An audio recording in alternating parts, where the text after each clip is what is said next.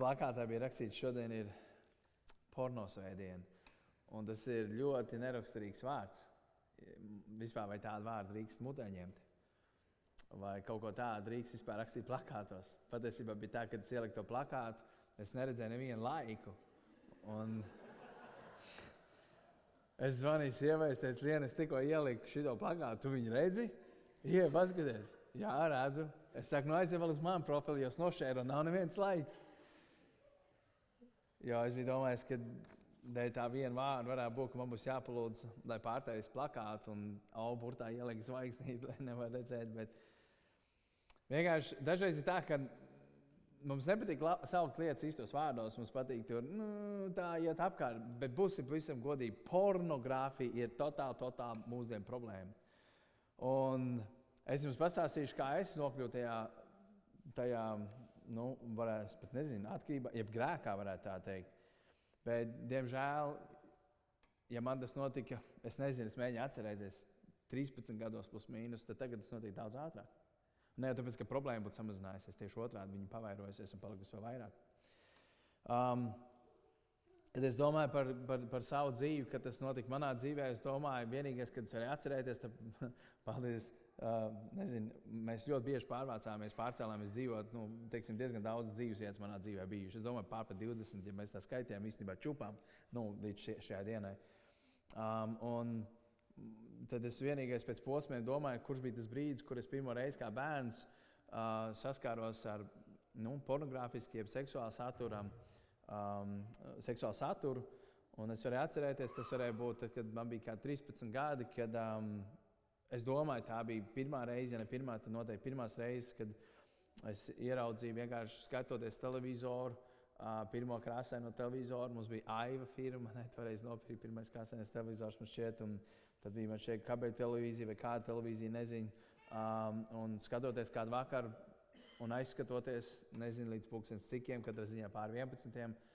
Um, sāk laist kaut kādas reklāmas, kuras mēs ar Lienu esam pārunājuši. Līdz pat šai dienai tos tekstus atceros, kādi viņi bija. Un, protams, pēc tam, pat kā bērns zvanījām uz tiem numuriem, un, un ko tik nedarījām, tad vecāki dabūja rēķinu, ko mēs nezinājām, ka tāda arī ir.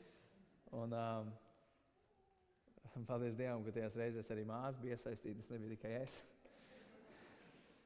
tas mīkstināja to sodu laikam. Um, bet, bet tas bija tas, kurš pirmo reizi ieraudzīja man to, ko man nevajadzēja tajā vecumā redzēt. Un savā ziņā tas izraisa emocijas, par kurām tu īstenībā nezini, kā pret viņām reaģēt, jo tas nebija tas, ko tu meklēji. Iespējams, tu slēgāji, gribēji atrast kādu mūtens kanālu, varbūt, varbūt sporta kanāls, nezinu. Varbūt kāda šausmīga būs manā tajā laikā, Schwarzeneggers kaut ko rādīs manā. Um, un, un, un tad tev sāk rādīt šo.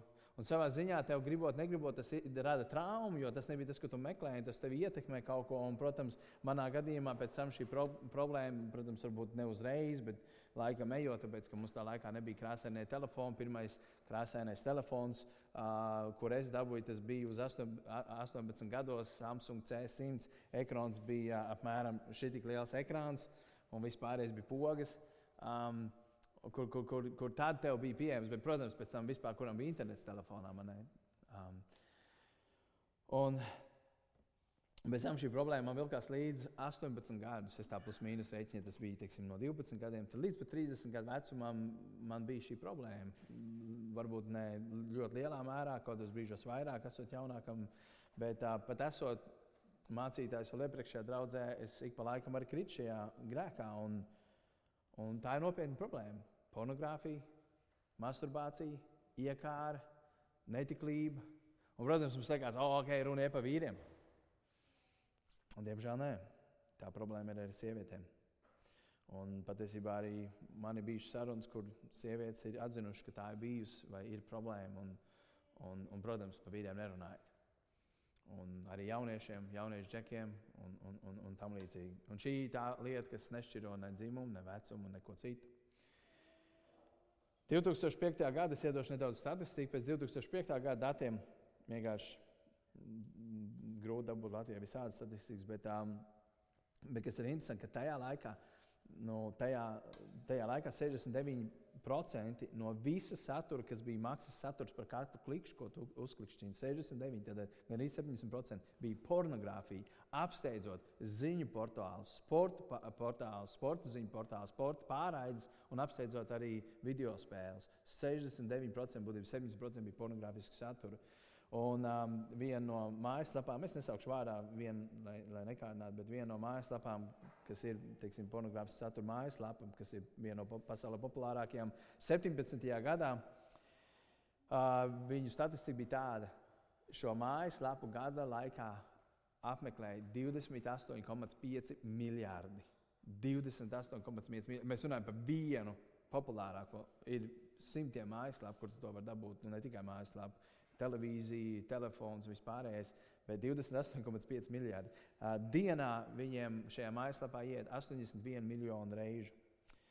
Un, uh, man liekas, ļoti interesanti statistika. Jūs zināt, ka ir baiti, kilobaiti, megabaiti, gigabaiti, un tad nāk um, terabaiti, un tad tur nāk um, um, pentabaits. Un uh, man tas neko neizteica. Un šajā mājaslapā satura, saturs tiek mērīts 3, tad, gandrīz 4000 pentabaiti.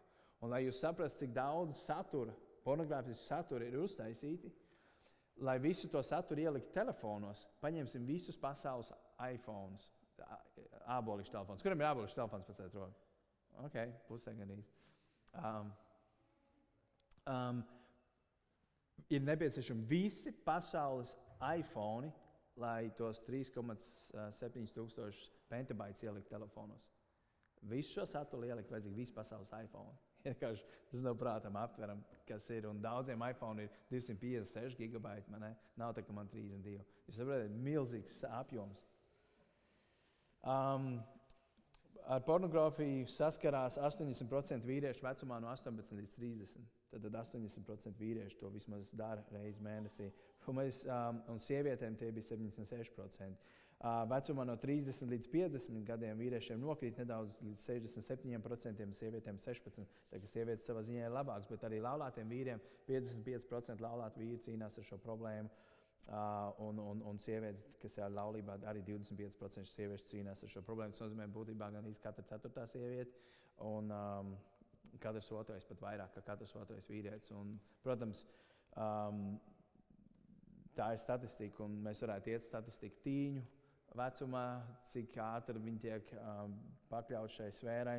Sekstings, pornogrāfija, darba vietā, skolā un visas pārējās lietas. Tur varētu ļoti daudz un ilgi runāt. Un tad, protams, mēs varam parunāt par, par, par, par kristiešiem un mēs varam parunāt par mācītājiem.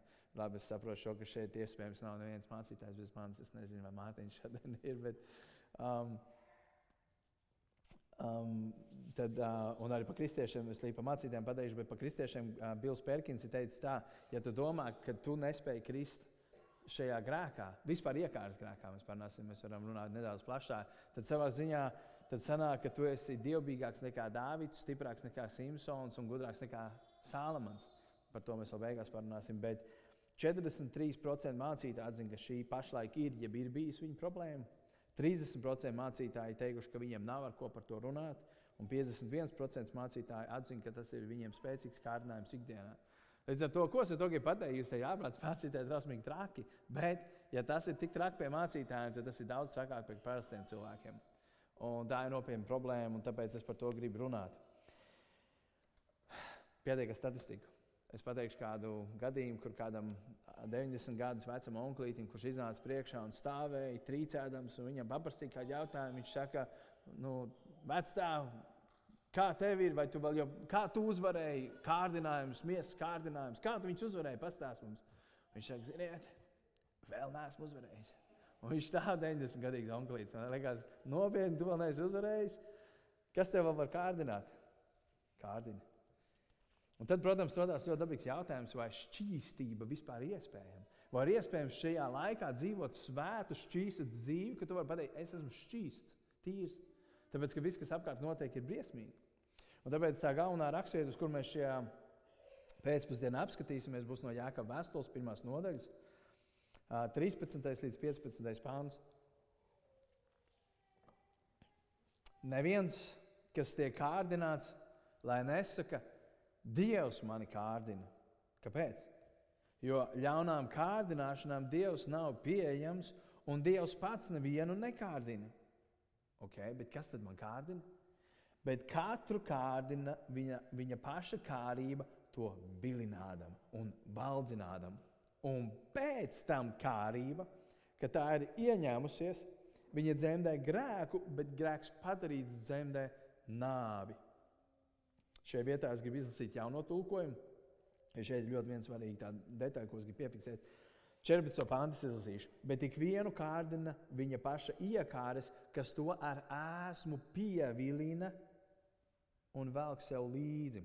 Tur, kur ir lietots šis vārds pievilina, tur ir lietots grieķu vārds dēlē atso, kas ir makšķerēšanas princips, kā, kas, kas apzīmē to, kā tu ievilini zīvi. Un tāpēc šie ziņā man patīk jaunajā tulkumā, kur uzrakstīts, kā ar ēsmu ievilina. Viņš tā kā tāda tā kā zīvi, kā ēsmu, vienkārši iedomājieties par zīvi, man ne, viņai tiek iedodas, man ne uz āķīt uzliek tārpiņu, o, cik skaists tārpiņš man ne, viņa ceps, un viņa tiek izvilkt ārā no ūdens.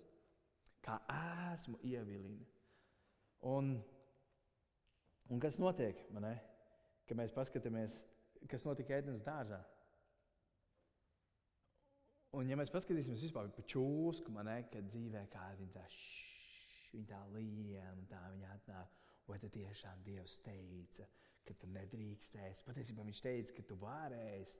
Jo tad, kad tu ēdīsi, tu būsi tikpat gudrs kā Dievs. Paskaties, cik skaistas ābols, pasties un jau. Jā, un es būšu gudrs kā Dievs. Jā, un viņi paņem Viņi apēd. Viņi saprot, es tikko izdarīju lielāko kļūdu. Viņš ievilināja. Paskatīsimies uz to, kā ķēniņš, Dāvids. Viņam bija jābūt karā, viņam bija jābūt darbā, bet viņš palika mājās. Viņš staigāja pa jumtu, viņam nebija kabeļu televīzija, viņš staigāja pa jumtu, viņš staigāja pa jumtu, viņš uz jumta atradās un viņš pēkšņi ieraudzīja kaimiņu sētā, ej, vai skaistā sieviete, plika, mazgājās. Viņam tā sagribējās, ka viņš aizsūtīja kalpus un teica, atvediet viņu pie manis. Viņš krīt grēkā. Un līdzīgi ar mums, Sātans piekarina vienalga, kas ir tā ēsma. Kādam tā ir pornogrāfija, kādam tā ir iekā, kādam tā ir svešs sieva, svešs vīrs. Vai... Vispār es gribu pieminēt vienu lietu. Ja vīriešiem tas ir saistīts ar grafiskām bildēm vai video, tad sievietēm bieži vien tas ir vairāk fantāzija, romantika līmenī un tam līdzīgi. Bet īstenībā jau starpība nav nekāda. Iekārta paliek iekārta. Un kas notiek, kad šī zīltiņa man ne, ka mēs uzķeramies, vai šī gumijas zīltiņa, kas ļoti skaisti vizuļo visādās krāsās un lielā līdagnā pakaļ un sapsiņu noķer, kas notiek? Viņi tiek izvilkt ārā no ūdens momentāli, no tā, kur viņi atradās, viņi tiek izvilkt ārā, bang! Galvu pret laivas malu vai vienalga sprānu salauž, paņem galvu, nogriež, pārgriež iekšā, izņem ārā, uzliek uz pāns, izcep un apēd pusdienās. Ziniet, ko šeit rakstiet man uzreiz momentāli atgādināja? 1. pētera 5.8. Esiet skaidrā prātā Esiet modrīgi. Kāpēc? Jūsu pretinieks vēlams staigā apkārt kā lauva, rūkdams un meklē, ko tas var aprīt pusdienās. Un tas ir tas, kas notiek ar zīltiņu. Kas kā ēsmu iedam pakaļ, tiek uzķerta, sagrauta un viss. Un tas ir tas, kas ar mums nerad dzīvē notiek. Es nezinu, vai ir kāds cilvēks, kurš krīzdams, parunāsim par vīriešiem šajā brīdī. Krīzdams šajā porno grēkā, pēc pirmās reizes domā, ah, reāli man nepatīk, es to negribu darīt, un nekad to vairs nedaru. Diez vai. Un mēs, mēs vienkārši tiekam apēst, tiekam uzķeramies uz šī āķa, un mēs, tiekam, mēs pazaudējam visu, kas esam. Kopš tā brīža mēs esam būtībā izvilkti ārā, un mēs vairs nesaprotam. Mēs vienkārši gribam atgriezties pie tā grēka, gribam atgriezties pie, pie tā grēka, kamēr viņš iznīcina mūsu fizisko dzīvi, emocionālo dzīvi, garīgo dzīvi. Viņš vienkārši mūs sagrauj. Un, un, un tas ir briesmīgi. Un tad ir jautājums, man, kā tad mēs krītam šajā kārdinājumā? Man šajā kārdinājumā mēs krītam. Tagad ir šis kārdinājums. Nu, tas jau nav nekas traks. Visi jau to dara. Tu jau neesi vienīgais. Būs jautri, tev patiks. Vai tu esi to pelnījis? Un mēs noticam tam. Mēs krītam šajā grēkā. Mēs to izdarām, vai tā būtu pornogrāfija, masturbācija, iekārta, netiklība, vienalga, kas tas būtu. Un tad atnāk sāpes, viņš pasakā, tev apsties, cik tas briesmīgs. Kas tu esi par kristieti? Tagad Dievs tev noteikti nemīl. Jo tādu, kāds tu esi, sēdienā baigais kristietis un nākšā dienā, ko tu dari? Nē, Dievs tev noteikti nemīl. Kā tu tā vari izdarīt? Un viss. Visu, ko Sātans grib caur šo netiklības grēku, ir uzlikt tev uz āķi, lai tu nebūtu vairs lietojams. Redziet, neatkarīgi no tā, kas tu esi, lielākā daļa no mums, ja ne visi, esam savā veidā, mums ir bijusi kaut kāda seksuāla pieredze. Um, vai tā būtu pornogrāfija, masturbācija, varbūt kādu izmantoja seksuāli. Varbūt tās kādam tas bija vienkārši randiņš, puisis, it kā nebija nekas sarunāts, bet aizgāja pa tālu, un tu to nožēlo. Varbūt tās ir kādas erotiskas fantāzijas vai vēl kaut kādas lietas, no kurām netiec laukā. Bet vienalga, kāda būtu tava situācija, un tev ir, katram ir kaut kāda situācija, tu esi ieguvis traumu. Tas ir atstājis uz tevi traumu, garīgu, emocionālu, fizisku. Un kas notiek, kad mēs iegūstam šo traumu, kad mēs tiekam būtībā krītam šajā grēkā? Kas notiek? Pirmā lieta, ko mēs darām, mēs bieži vien to slēpjam. Tas ir vienkārši automātiski. Mēs to slēpjam. Mēs negribam, lai neviens par to uzzina. Mēs to gribam paturēt kā tādu slepeno grēku, bet jūs zināt, ka grēks vislabāk aug tumsā. Un tā vietā, lai mēs to celtu gaismā, mēs to slēpjam. Nākošais, ko mēs neredzam, darām, mēs to attaisnojam. Mēs bieži vien sakām, nē, nu, man tur tas notika un tas notika, un tāpēc es esmu pelnījis, man tas pienākās, vai man tā labāk paliek. Un tad kādu no mums, es domāju, mēs esam lūguši Dievam palīdzību. Mēs esam teikuši, Dievs, lūdzu, palīdzi man. Dievs, lūdzu, palīdzi man no tā tik laukā. Dievs, es to negribu darīt. Kāpēc es daru to, ko es negribu darīt? Līdzīgi kā Pāvils teica, man ir Romas 7. nodaļā. Ko negribu, tos daru, un to, ko es gribu, tos nedaru. Un tas ir tas, kas bieži vien notiek. Un mēs lūdzam palīdzību. Un tas beidzās uz nedēļu vai uz mēnesi, varbūt uz trim mēnešiem. Un tad atkal tu klūpi, tu krīti, notiek kaut kas tavā dzīvē, tu klūpi un tu krīti. Un tad, ja tu esi jaunietis, piemēram, tad tu saki, nu tad, kad es apprecēšos, tad tas noteikti beigsies. Un nekas nebeidzās. Tāpēc, ka tā jau nav tikai šī iekārtas problēma. Tur ir izveidojusi šī trauma, tu esi ticis ievainots. Tas, kas priekš tevis nav bijis paredzēts, un būsim godīgi, tas, kādā laikmetā mēs dzīvojam, viņš ir ļoti briesmīgs laikmets. Ir ārkārtīgi grūti pastāvēt šajā pasaulē un saglabāt sev šķīstu, ņemot vērā, kur mēs dzīvojam. Ja jūs paskatīsieties filmas, kas tiek rādīts, reklāmas, kas tiek rādīts, mūzikas, video klips, kas tiek rādīts, viņiem visa plikām pakaļām ir. Un viss tas, ko mēs tiekam, īpaši vīrieši, man ne, speciāli, jūs paskatīsieties, kāpēc teiksim, veikalos man ir daudz mācīties, sievas ir stāstījušas. Tur es atceros vienu, ka viņa speciāli pirms viņa gāja uz kasēm, sieva izvēlējās, kur kasēs, un viņa visu žurnālu augšā pagriez otrā, lai vīram nebūtu kārdinājums. Nepavēlti viņa tiek nolikt tāds augstumā, lai tu atkal tiktu būtībā ielikt šis āķis tev lūpā. Ziniet, mēs bieži domājam, kāpēc tas nepazūd. Un, uh, es gribu izlasīt Salma pamācības 5. nodaļu, 3. līdz 5. pantam, kur ļoti labi uzrakstīts patiesībā, kas notiek. Salma pamācības 5. nodaļa, 3. līdz 5. pants, tie ir rakstīts, jo svešas un netiklas sievas lūpas ir sālākas nekā medus. Mm, kaut kas ļoti sāls, kaut kas garšīgs. Un viņas rīkle tai runājot ir glumāka par visu labāko eļļu, glūma, glaimojoši, patīkami. Bet pēc tam tās ir rūktas kā vērmeles un asas kā abās pusēs griezīgs zobens, un viņas kājas virzās pazemē, nāvei pretī, un viņas gaitas noved kapa tumsā. Tas ir tas, kā tiek paskaidrots šis iekārs grēks. Viņš tiek paskaidrots, ka šī iekāra ir nenormāli skaista, viņa nenormāli patīkama, viņa ļoti patīkama, bet patiesībā pēc brīdiņa viņi tev iedzeļ kā vērmēls. Kaut kas ļoti rūks, kaut kas tāds, ka tu gribi spļaut laukā, un saproti, ka nē. Īstenībā Dārvis tev var palūgt, ja tu varētu atnest man lūdzu tāfeli. Es, um, es biju atzīmējis, priekš sevis jāatnes tāfeli, jāatnes tāfeli, un es zināju, ka es vienreiz aizmirsīšu atnest, līdz kaut ko uzzīmēšu, bet um, tas ir tas, kā Bībelē paskaidro. Tas ir kaut kas skaists, bet viņš pagriežas pret tevi un tevi iekož. Viņš tev, un, un es gribu, lai mēs ieraugām, kur viņš tev noved. Viņš tev noved kāpa tumsā, tas tā noved nāvē. Pornogrāfija, iekāra, seksuālā grēki, viņi tevi nogalina. Un tavā dzīvē nav prieka, tavā dzīvē ir tukšums, tavā dzīvē nav apmierinājuma. Un tavu dzīvi bieži vien ir piepildīta ar bailēm, ar bailēm, ka tev pieķers, ar bailēm, ka kāds ieraudzīs, bailēm, ka tev uzzinās. Un tad sako apkaunojums, apkaunojums, jo tu negribi darīt to, ko tu dari, un tāpēc tu to dari. Un tas ir kā aburtais lokus, kur es tulīt uzzīmēšu. Tas ir kā aburtais lokus, kur mēs vienkārši ejam uz rīņķiem, uz rīņķiem, uz rīņķiem, mēs netiekam no viņa laukā. Un tāpēc ir ļoti svarīgi, ka mēs ieraugam, un es uh, uzzīmēšu, paldies, Dāvā. Um,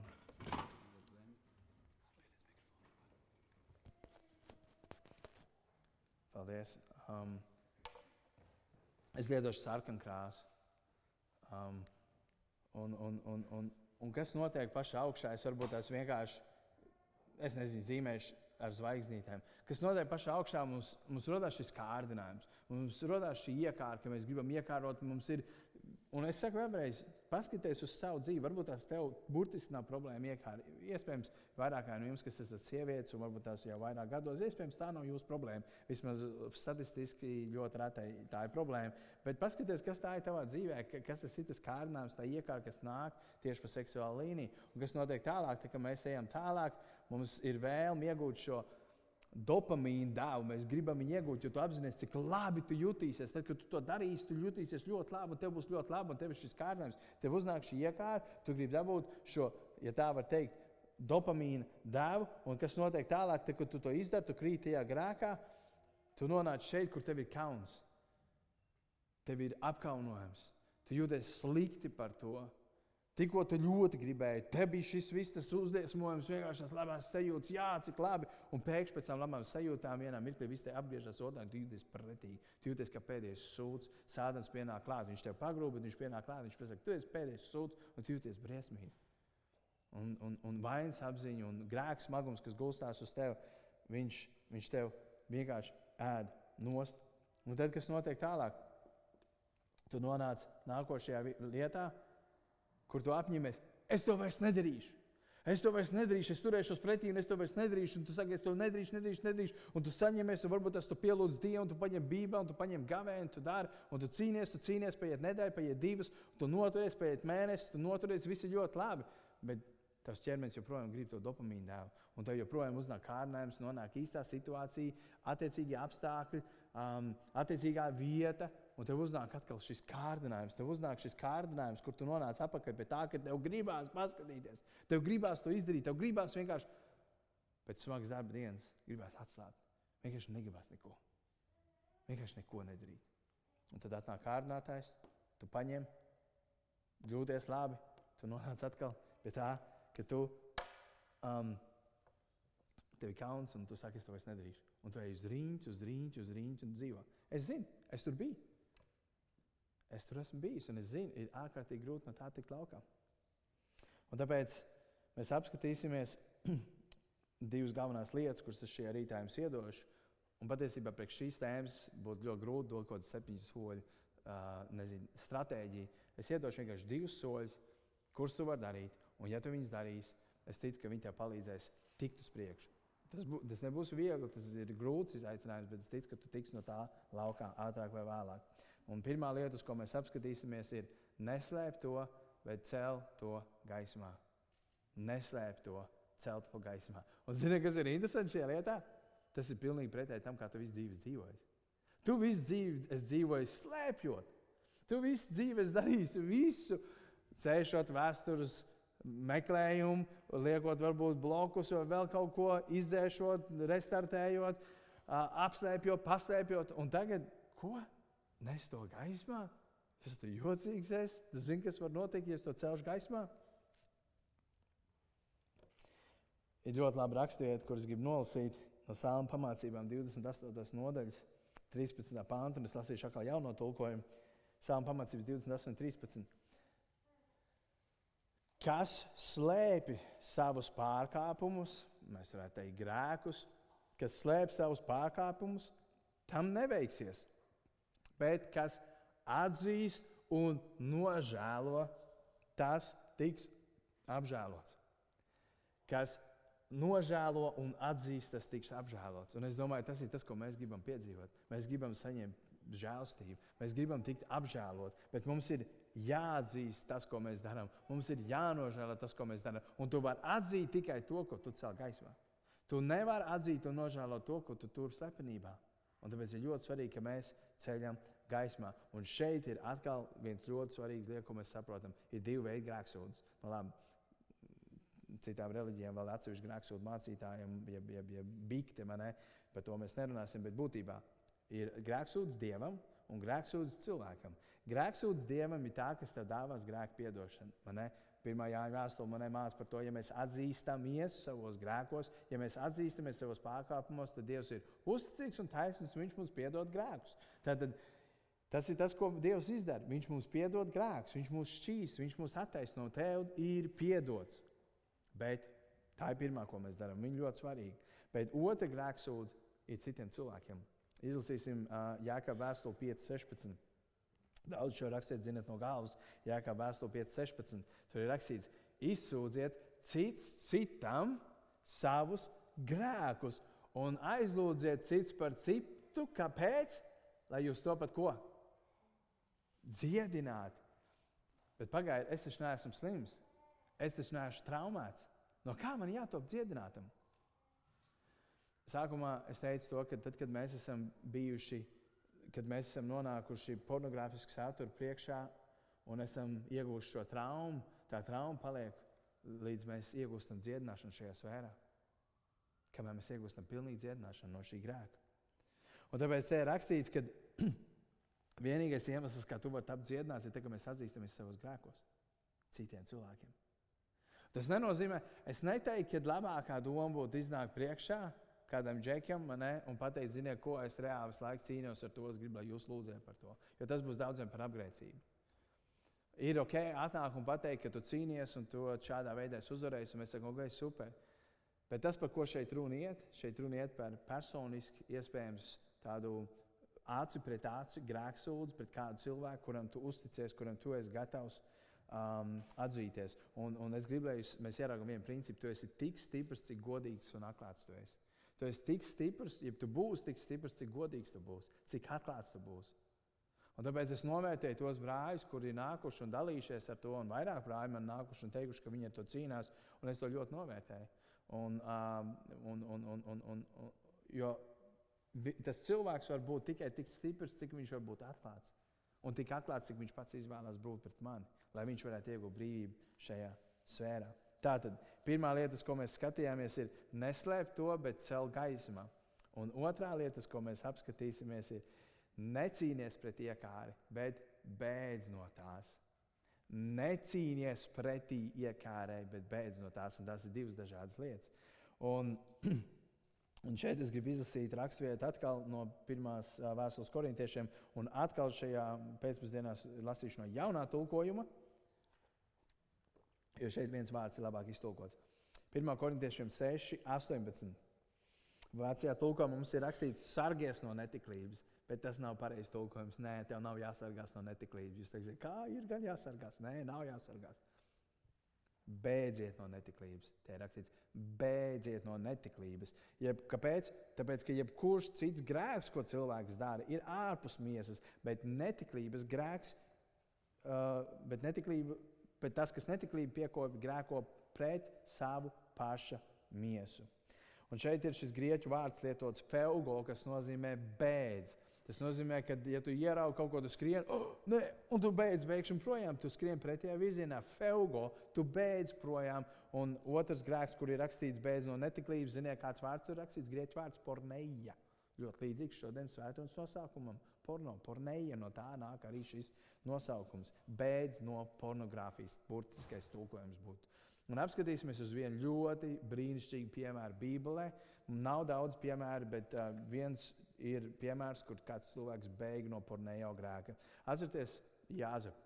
Jāzeps bija uh, otrs jaunākais dēls uh, Jākabam. Jākabam ir 12 dēli, no kā radušās 12 ciltis, uh, un, un, un, un, un brāļi viņu ienīda, apskauda, un viņi pārdeva viņu vergiem.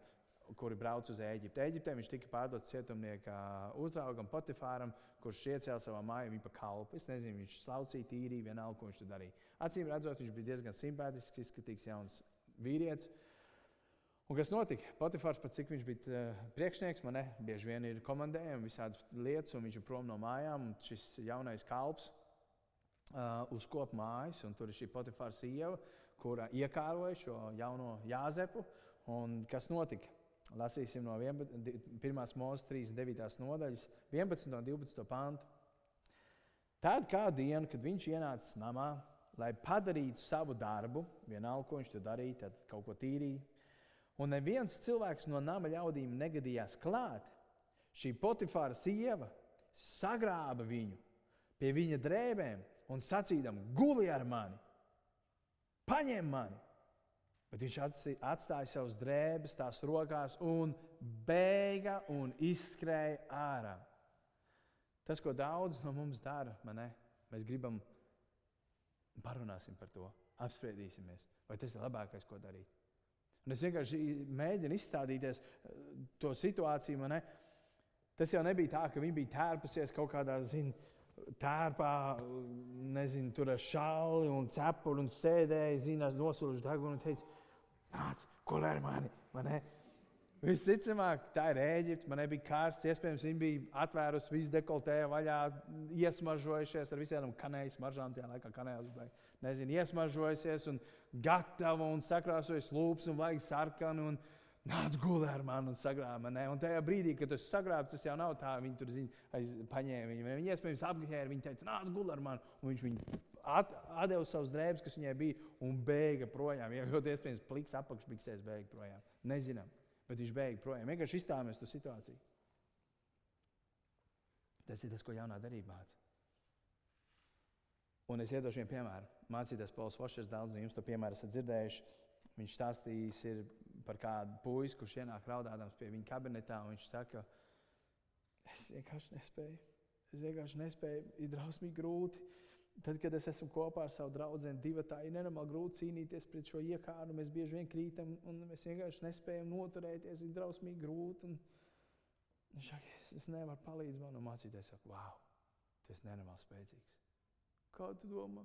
Tas ir ļoti stiprs. Nē, es neesmu, es nespēju noturēties. Šak, tas ir nenormāli stiprs. Kādā ziņā? Zini, ja Bībelē saka, beidz, un tu domā, ka esot divi tā kopā ar savu meiteni, tu varēsi stāties pretī kārdinājumam, tas ir ļoti spēcīgs. Es to nevarētu. Jāzeps to nevarētu. Jāzeps varēja diskutēt ar viņu. Viņš arī teica, ej, beidz, es negribu, saprotu, viņš ir mans saimnieks, viņš maksā algu. Jā, tu esi normāli, sakrīgi, jā, es esmu vergs, es dzīvoju, man nav vispār ne sieva, nekas, es neesmu redzējis meiteni un tam līdzīgi. Tu esi ļoti skaists un tam līdzīgi, bet es to negribu darīt, saprotu, man negribās un es negribu grēkot, un tomēr es ticu arī Dievam un tam līdzīgi. Ja viņš būtu sācis šitā diskusija, 99,9% ātrāk vai vēlāk viņš būtu nolausts. Tāpēc, kad viņas vārdi ir glūmi Viņa acis plakstiņa man nesām pamācības runā, kā viņi tur pamēģina man. Ne? Vīrieši ir vāji un viņi krīt.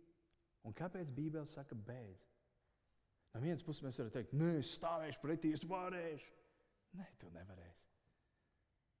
Atcerieties to laiku, kad um, datoriem tu kaut ko darīji datorā, un tev pēkšņi varēja izmest lokus. Pornogrāfisks satura lokus. Rēti, kurais varēja piespiest īksiņu un izslēgt viņu laukā. Pēkšņi tev kārdinājums ir āķis, tiek izlikts savā priekšā. Tātad, uz ko mēs skatījāmies, neslēp savu problēmu, atzīsti to un necīnies pret iekāri, bet beidz no iekāras. Tagad es gribu iedot kādu praktisku rīku. Okay? Es zinu, ka daudziem no jums ir to problēmas. Ko jūs tagad varat darīt? Un te ir rakstīts, neslēp savu problēmu, bet ne, nes to gaismā. Jautājums ir, kam lai es to nesu gaismā? Ierakstīt Facebookā? Nē, tā nav labi ideja. Kam lai, kam lai es to saku? Un šī ir ļoti nopietna problēma. Un es jums pateikšu, kāpēc. Tāpēc, kad ir, bija, bija nereti, un ok, varbūt tagad parunāsim par kategorijām. Ja tu esi jaunietis, Tev ir svarīgi, ka tu vari atrast, ja tu esi džeks, nē, un nesaki to meitenei. Mums ir ļoti labas attiecības, vienkārši gribu padalīties, man ir tādas problēmas. Nē, nedara to. Atrod kādu vecāku vīru, kuram tu uzticies, kurš ir dievīgs vīrs, un pasakā, klausies, man ir problēma, lūdzu, lūdzu par mani. Es tev gribu atzīties, man ir tāda lieta, lūdzu, palīdzi. Ko, ko mums darīt? Nes to gaismā. Ja tu esi vīrs, precēts vīrs, un tev mājās vai šeit ir dzīva sieva, tu esi precēts vīrs, un tev ir sieva, un tev ir šī problēma. Visnormālāk būtu, ka tu ej pie sievas un tu saki sievai. Bet arī šeit ir ļoti milzīga problēma, kas var notikt. Un es tagad pateikšu no otras puses, ja tu gadījumā esi tā sieva, es runāšu no sievas perspektīvas, es darbojos arī no vīra perspektīvas, bet runāšu no sievas pers pers perspektīvas, tāpēc, ka vīriem šiem vairāk ir šī problēma. Ja tu esi gadījumā sieva un vīrs atnāk pie tevis, pirmkārt, es gribu, lai jūs saprotat, cik grūti par to ir dalīties. Kaut kādā brīdī pienāk tāds brīdis, un jo ilgāk tu to esi darījis, un jo ilgāk tu to varēsi noslēpt, pienāk brīdis, kad tev liekas, ka es, la, es, la, es laikam neesmu gatavs vispār nekad dzīvē nevien, nevienam to pateikt. Un ja vīrs pie tevis atnāk, un viņš ir gatavs tev to pateikt, tad tā vietā, lai tu justos varbūt tās aizvainota, sāpināt, ka viņš ir grēkojis, varbūt tas, ka viņam nav piededzis ar tevi, ka viņš ir gājis un skaties kaut ko citu. Tā vietā pagriez fokus projām no sevis, bet ieraug to otru cilvēku un saproti, cik to bija grūti izdarīt. Viņš iespējams pa spoguļu stāvēja un simts versijas izgāja cauri, kā viņš varētu teikt, kā viņš tev to pateikt. Bet saproti, cik vīram to ir grūti pateikt. Un, ja viņš ir ieraudzījis tevi, ka tu esi tas cilvēks, vienkārši pēc šīs svētdienas īpaši. Ja gadījumā nākošā mēneša laikā viņš atnāks, tas tāpēc, ka viņš ir dzirdējis šo svētdienu, un ja gadījumā viņš atnāks, es gribu, lai tu zini, ka tas ir nenormāli, nenormāli grūti aiziet pie sievas un to pateikt. Un tā vietā, lai viņu nosodītu, vienkārši iedrošina viņu. Un, ja tu spēsi pieņemt vīru tādā veidā, ļoti iespējams viņš spēs ar to tikt galā. Pretējā gadījumā viņš var cīnīties ar to vēl nākamos 5, 10, 50 gadus vienalga. Un, um, un ja gadījumā, nu jā, jo realitāte tāda, ka viens pats to nespēja tikt galā. Tāpēc, ja mēs runājam par to, celt to gaismā un necīnīties viens pats, bet dalies ar to kādu. Un tāpēc es ļoti iedrošinu tevi, ja tev šajā vakarā, vai vienalga, kad tu klausies uh, ierakstā, ja tu zini, ka tev ir šī problēma, tad nepaliec viens, bet atrod kādu uzticamu cilvēku, kur tu uh, par to runāt un kopā par to lūgt. Es um, gatavoju svētdienu, man nāca prātā, es nevaru atcerēties, kur mūteni man tā šķiet. Tā bija auglis mūtene, bet es neesmu pārliecināts. Vēl cits mūtenis arī bijušas, kur redzēts, ka čūska spēja nohipnotizēt pareizi. Un viņa teica, nu, ne, neskaties čūskai acī. Un tur bija šī mūtene, šis kadrs, kur man šķiet, tas puisīts, viņš vienkārši skatījās, un tā čūska pienāk tuvāk un tuvāk, un viena riņķa apkārt, un otra riņķa apkārt, un viņi runā, un tu paliec tāds Tas ir tas, kā pienāk klāts sātans. Un, ja tas ir viens pats, un tajā, tajā mūtenē bija tā, ka tas otrs teica, neskaties viņa acīs, neskaties, skaties, skaties projām, neskaties, ko tu dari. Un tev ir vajadzīgs kāds cits, kurš tev vienkārši iepaķē, ko tu dari. Nedari to. Tev ir vajadzīga šī atbildības persona, tev ir vajadzīgs šis cilvēks, kurš var pateikt, nedari to. Savādāk, ja tu, tu skatīsies, tu būsi kā skatīties čūskai acīs, un viņi tev nohipnotizē. Un tad tu nonāc šajā aplī un tu riņķo, un tu riņķo, un tu riņķo. Ko tu vari izdarīt? Tu vari uzlikt telefonam blokus, tu vari uzlikt savam datoram blokus. Tu vari nezinu, nopirkt dažādas aplikācijas ar dažādām atbildības personām. Tu vari savu telefonu vai datoru saturu nodot kādam cilvēkam, kurš var redzēt visu, ko tu visu laiku dari, kurš var redzēt īsiņas un tam līdzīgi. Es zinu, ka tas ir tas, ko piekop mācītāji. Bet tas ir tas, ko tu vari darīt. Jautājums ir, cik ļoti tu gribi to lietu uzvarēt. Cik daudz tu esi gatavs paņemt prom no sevis, lai tev ar to nebūtu jācīnās. Lai tu būtībā sevi. Jo ir tāds ļoti labs teiciens, kāpēc stāties pretī kārdinājumam rītdien, ja tev ir vara un spēks un iespējas to kārdinājumu paņemt prom jau šodien? Kāpēc stāties pretī kārdinājumam rītdien, ja tev ir vara to paņemt no jau šodien? Un kā to var izdarīt? ar visām tām lietām, kuras es jums šajā vakarā teicu.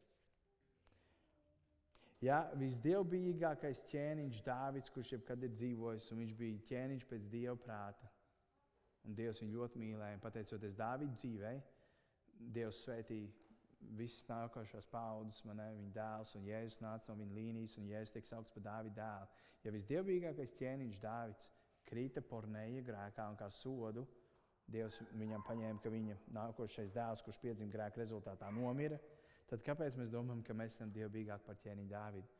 Ja Simpsons, kurš bija ķēniņš, ja valdnieks par Izraēlu tautu, viņš iekāroja šīs meitenes un kā sodu par iekārošanu viņam izdūra pēc tam ienaidnieka acis, un viņš bija visspēcīgākais cilvēks, kādu mēs zinām. Ne? Un viņš nespēja tam stāties pretī. Kāpēc tu domā, ka tu spēj stāties pretī? Un Sālamans visgudrākais cilvēks, kāds jebkad ir dzīvojis uz pasaules zemes. Visgudrākais. Un viņš krita šajā porneja grēkā, kur viņam bija simtiem sievu, kuras viņa aizved projām no ticības beigās. Tad kāpēc tu domā, ka tu esi gudrāks par Salamanu? Tev un man, mums visiem ir vajadzīgs, ka mēs šo grēku neslēpjam, bet mēs to atzīstam. Un ka mēs necīnāmies ar iekāri, bet mēs bēgam no šī grēka. Meklē kādu, kuram tu vari dalīties ar šo, kuram tu vari pateikt, ka tev ir šī problēma, un meklē veidus šodien, kā tu vari bēgt no porneja grēka, lai tev par to nebūtu jāstājas rītdien.